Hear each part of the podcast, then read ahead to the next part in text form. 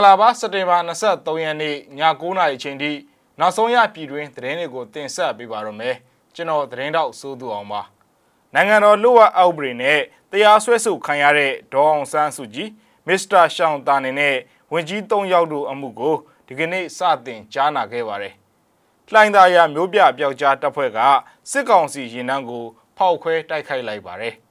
ဟာခမှာဒလန်ဆိုသူတနက်၃ချက်အပြစ်ခံရပြီး စေးရုံကိုရောက်ရှိနေပါတယ်။ပတ်သိမ်မျိုးညောင်ချောင်းရက်ကွက်ကကြန့်ခိုင်ရေးပါတီဝင်တနက်နဲ့အပြစ်ခံလိုက်ရပါတယ်။မြင်းကြမှာတာဝန်ကျတဲ့စစ်ကောင်စီတပ်သားတယောက် CDM ပြုလုပ်လာပါတယ်။မုံရွာမှာမိုင်းတဲယုံအဆောင်ရဲကိုပြစ်ခတ်ပြီးတော့လက်နက်သိမ်းဆည်းနိုင်ခဲ့တယ်လို့ MPDF ကကြေညာလိုက်ပါတယ်။ရခိုင်တပ်တော်ကိုရိတ်ခါမထောက်ပံ့ဖို့ဘူဒီတော်မျိုးနယ်အသွင်မှာတတိပေးနေပါတယ်။ဒီအကြောင်းတွေပါဝင်တဲ့ နောက်ဆုံးရပြည်တွင်းသတင်းတွေကိုတင်ဆက်ပေးပါရမယ်။နိုင်ငံတော်ရဲ့အတိုင်ပင်ခံပုဂ္ဂိုလ်ဒေါ်အောင်ဆန်းစုကြည်ပမောက္ခရှောင်းတာနေတို့အပါအဝင်လှုပ်ဝက်အောက်ပြည်နဲ့တပေါင်းတဲ့တရားစွဲဆိုခံရတဲ့သူတွေရဲ့အမှုကိုနေပြည်တော်မှာဒီကနေ့ကြားနာစစ်ဆေးကြောင်းရှင်းနေဖြစ်သူဦးခင်မောင်စောကပြောပါတယ်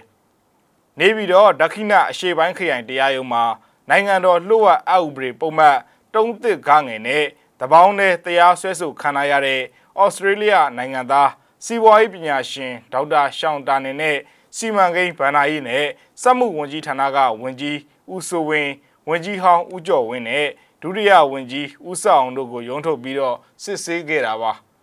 နေပြည်တော်မှာလှုပ်ဝက်နေရမှာထိမ့်သိမ်းခံရတဲ့နိုင်ငံတော်ရဲ့အတိုင်ပင်ခံပုဂ္ဂိုလ်ကတော့ဗီဒီယိုကွန်ဖရင့်စနစ်သာစစ်ဆေးခဲ့တာတွေ့ရပါတယ် ရင်းမှုနဲ့ပတ်သက်လို့တရားသူကြီးက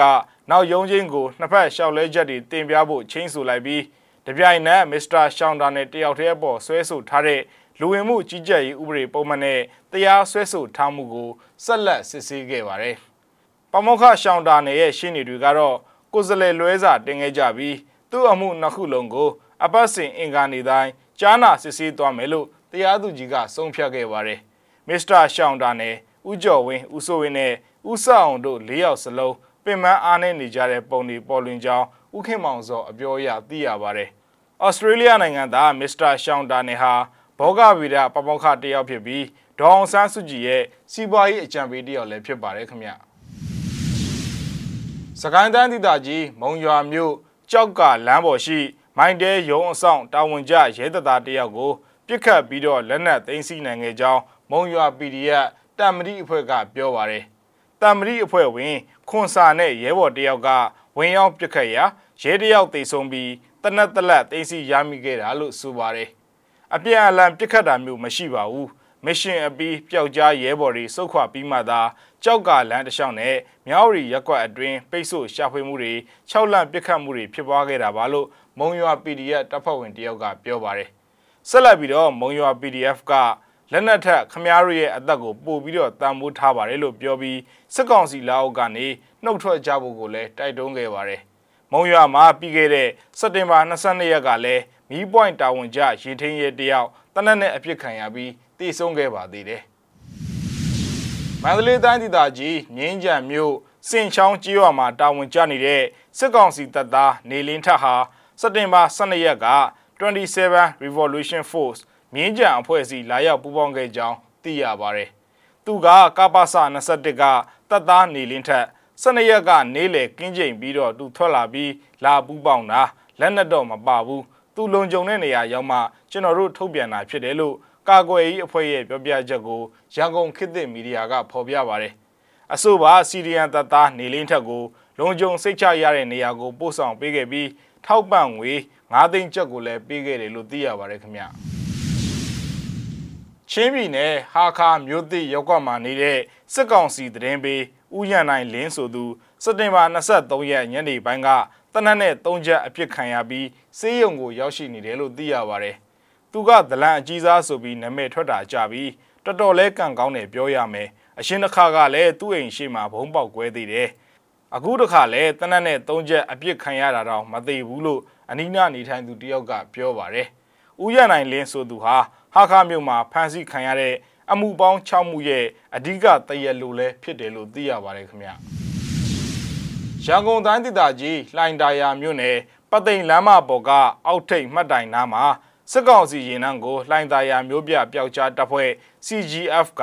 အဝေးထိန်ဘုံနှလုံးနဲ့ဖောက်ခွဲတိုက်ခိုက်ခဲ့ကြောင်းပြောခွင့်ရသူကသတင်းပေးပို့လာပါတယ်။ဒဘယ်ကတ်ရင်3စီးနဲ့စစ်ကောင်စီတပ်သားတင်ရင်ကြီးတစ်စီးစုစုပေါင်းရင်၄စီးပါစစ်ကြောင်းကို စက်တင်ဘာ23ရက်နေ့ညနေ9:15မိနစ်မှာတိုက်ခိုက်လိုက်တာပါ။တရင်ရတာအရန်အချိန်ကတ်သွားတော့ကြံတဲ့လက်ကျန်ဘုံသုံးလုံးနဲ့ပသိမ်လမ်းမှာပဲစောင့်ပြီးတော့ဒဘယ်ကတ်ရင်နှန်းကိုဖောက်ခွဲတာပေါ့ဒီနေ့ကမိုးကအရန်ရွာတော့သုံးလုံးမှာနှလုံးပဲကွဲသွားတယ်ရင်တစည်းတော့ထိသွားတယ်လို့ CGF ပြောခွင့်ရသူကဆိုပါတယ်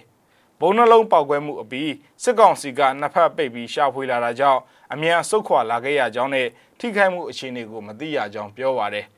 မျိုးပြပျောက်ကြားတပ်ဖွဲ့တွေအလုတ်ပို့ပြီးတော့တွင်ကျဲအောင်ပြည်သူတွေအနေနဲ့မိုင်းလို့ယူဆရတဲ့ပစ္စည်းတွေပောက်ကွဲတန်တွေတနတ်တန်တွေကြားလို့ရှိရင်လုံခြုံတဲ့နေရာမှာနေပေးဖို့ဝိုင်းပြီးတော့မဆက်စုကြဖို့ကိုမြစ်တာရက်ခံအကြောင်းလဲ CGF အဖွဲ့ကထုတ်ပြန်ခဲ့ပါတယ်ခင်ဗျာ AR တိုင်းဒေသကြီးပသိမ်မြို့တစ်ဖက်ကန်းအမတ်30အုပ်စုညောင်ချောင်းရက်ကွက်မှာနေတဲ့ရဲသတင်းပေးကြန့်ခိုင်ရေးပါတီဝင် ဦးကျော်သိန်းထွန်းဆိုသူကိုအမိမသိလူတစုကစက်တင်ဘာလ23ရက်နေ့ညနေ9:00နာရီလောက်မှာတနက်နဲ့လာပစ်သွားတယ်လို့သိရပါတယ်။ညောင်ချောင်းရက်ကွက်မှာရှိတဲ့ညောင်ချောင်းတရားနာမှာတနက်နဲ့၃ချက်အပြစ်ခံရတာဖြစ်ပြီးသိတယ်မသိဘူးဆိုတာကိုတော့အတိပြုလို့မရသေးဘူးလို့ဒေသခံတယောက်ကပြောပါတယ်စစ်ကားတွေရဲကားတွေရှစ်စီးလောက်အိတ်ဘက်ကိုဆင်းသွားတယ်ဘယ်သူမှသွားမကြည့်ရဲသေးဘူး ရဲတရင်ပေးကြန့်ခါရေးပါတီဝင်ဆိုတာတော့သိချတယ်လို့ဒေသခံကဆက်လက်ပြောပါတယ်လက်ရှိအချိန်မှာတော့တနက်နဲ့အပြစ်ခံရသူကြော်သိန်းထွန်းကိုရဲတွေကအိမ်စီကားတစ်စီးနဲ့ခေါ်ယူသွားတယ်လို့သိရပြီးစစ်အုပ်စုနဲ့ရဲတွေကညောင်ချောင်းရက်ကွက်အတွင်းပိတ်ဆို့စစ်ဆေးတာတွေပြုလုပ်နေတယ်လို့သိရပါတယ်ခင်ဗျရခိုင်ပြည်နယ်မြောက်ပိုင်းဘူးသီးတောင်မြို့နယ်တဲကကြေးရွာတာဝန်ခံတချို့ကိုရခိုင်တပ်တော် AA ကိုစားနပ်ရိက္ခာတွေမထောက်ပံ့ဖို့ စစ်ကောင်စီတပ်ကခေါ်ယူတတိပေးခဲ့တယ်လို့ကြေးရွာတာဝန်ခံတွေအပြောအရသိရပါတယ်။ဘူးသီးတောင်မြို့နယ်အမှတ်935တပ်ရင်းကတပ်ရင်းမှုကငရံချောင်းကြေးရွာအုပ်စုအတွင်းကကြေးရွာတာဝန်ခံတွေကိုခေါ်ယူပြီးရွာသားတွေအတွက်နိုင်ငံတကာကြက်ရှင်ဒီအဖွဲ့ ICRC ကထောက်ပံ့ပေးတဲ့စားနပ်ရိက္ခာတွေကို AA အဖွဲ့ကိုမထောက်ပံ့ဖို့ပြောသွားခဲ့တာပါ ICRC ကပေးတဲ့စားနပ်ရိက္ခာကို AA ကိုပေးလာမေးတယ် ရွာထဲမှာ AA ကော်မတီဝင်ရှိလားမေးတယ်ထောက်ပံ့ငွေတောင်းခံတာတွေရှိလားမေးတယ်လို့တာဝန်ခံတယောက်ကပြောပြပါတယ်အလားတူပဲစက်တင်ဘာ6ရက်နေ့ကလည်းကြောက်တော်မျိုးနယ်ကမွတ်စလင်ကြီးရွာအုပ်ချုပ်ရေးမှုတွေကိုစစ်ကောင်စီက AA ရဲ့တရားစီရင်ရေးနဲ့အုပ်ချုပ်ရေးဆိုင်ရာကိစ္စရပ်တွေမှာပူးပေါင်းဆောင်ရွက်တာမပြုဖို့ပူးပေါင်းပါကအရေးယူသွားမယ်လို့တတိပေးခဲ့ပါသေးတယ်ခင်ဗျလောက်ခလာစာတိုးမြင့်ပေးရေးအတွက် အာဂျင်တီးနားမှာလက်ဝဲဝါရီတွေခြိတက်ဆန္ဒပြခဲ့ကြပါတယ်ဗီဒီယိုဖိုင်ကိုလည်းကြည့်အောင်ပါအနိုင်ဆုံးလောက်ခလာစာတိုးမြင့်တက်မှတ်ရေးနဲ့ပြည်ပဆိုင်ရာငွေကြေးရန်ပုံငွေအဖွဲ့တို့ကျွေးမြီပေးချေမှုနဲ့ဗန္ဒာရေးဆိုင်ရာညှိနှိုင်းမှုတွေကိုဆန့်ကျင်ကြောင်းဆန္ဒထုတ်ဖော်ချစ်တဲ့ပွဲတစ်ခုကိုစက်တင်ဘာလ22ရက်အင်္ဂါနေ့ကမြို့တော်ဘျူနိုအေရီစ်မှာအာဂျင်တီးနားလက်ဝဲအုပ်စုတွေကပြုလုပ်ခဲ့ကြပါတယ်။ IMF နဲ့လက်ရအစိုးရအဖွဲ့တို့ကြားကသဘောတူညီမှုတွေကို အာမခံနိုင်ဖို့အတွက်ခိုင်မာတဲ့ညှိနှိုင်းမှုတွေကိုပြုလုပ်ဖို့တောင်းဆိုကြတာဖြစ်တယ်လို့ဆိုရှယ်လစ်အလုပ်သမားများတက်မကရဲ့ခေါင်းဆောင် Select Fiaro က AFP ကိုပြောပြပါဗျ။ Juno Aries စင်ချေပုံးတွေကထောင်ထဲချီတဲ့ဆန္ဒပြသူတွေဟာအစိုးရရုံးရှိကပလာဇာဒမေရိုရှိရာမြို့လယ်ကိုချီတက်ခဲ့ကြပါတယ်။အာဂျင်တီးနားဟာ2018ခုနှစ်ကအရင်လက်ရသမ္မတဟောင်းမရီစီယိုမက်ခရီလက်မှတ်ရေးထိုးချေးယူထားတဲ့ဒေါ်လာတန်း4000ခွဲအတွက် အရန်ချင်းငွေသတ်မှတ်ချက်တွေကိုပြင်ဆင်ပေးဖို့ IMF နဲ့ဆွေးနွေးနေတာဖြစ်ပါတယ်။ဒီအတွက်2022ခုနှစ်မှာတင်ဒေါ်လာတန်း1900ပြန်ဆက်ရမှာဖြစ်ပြီး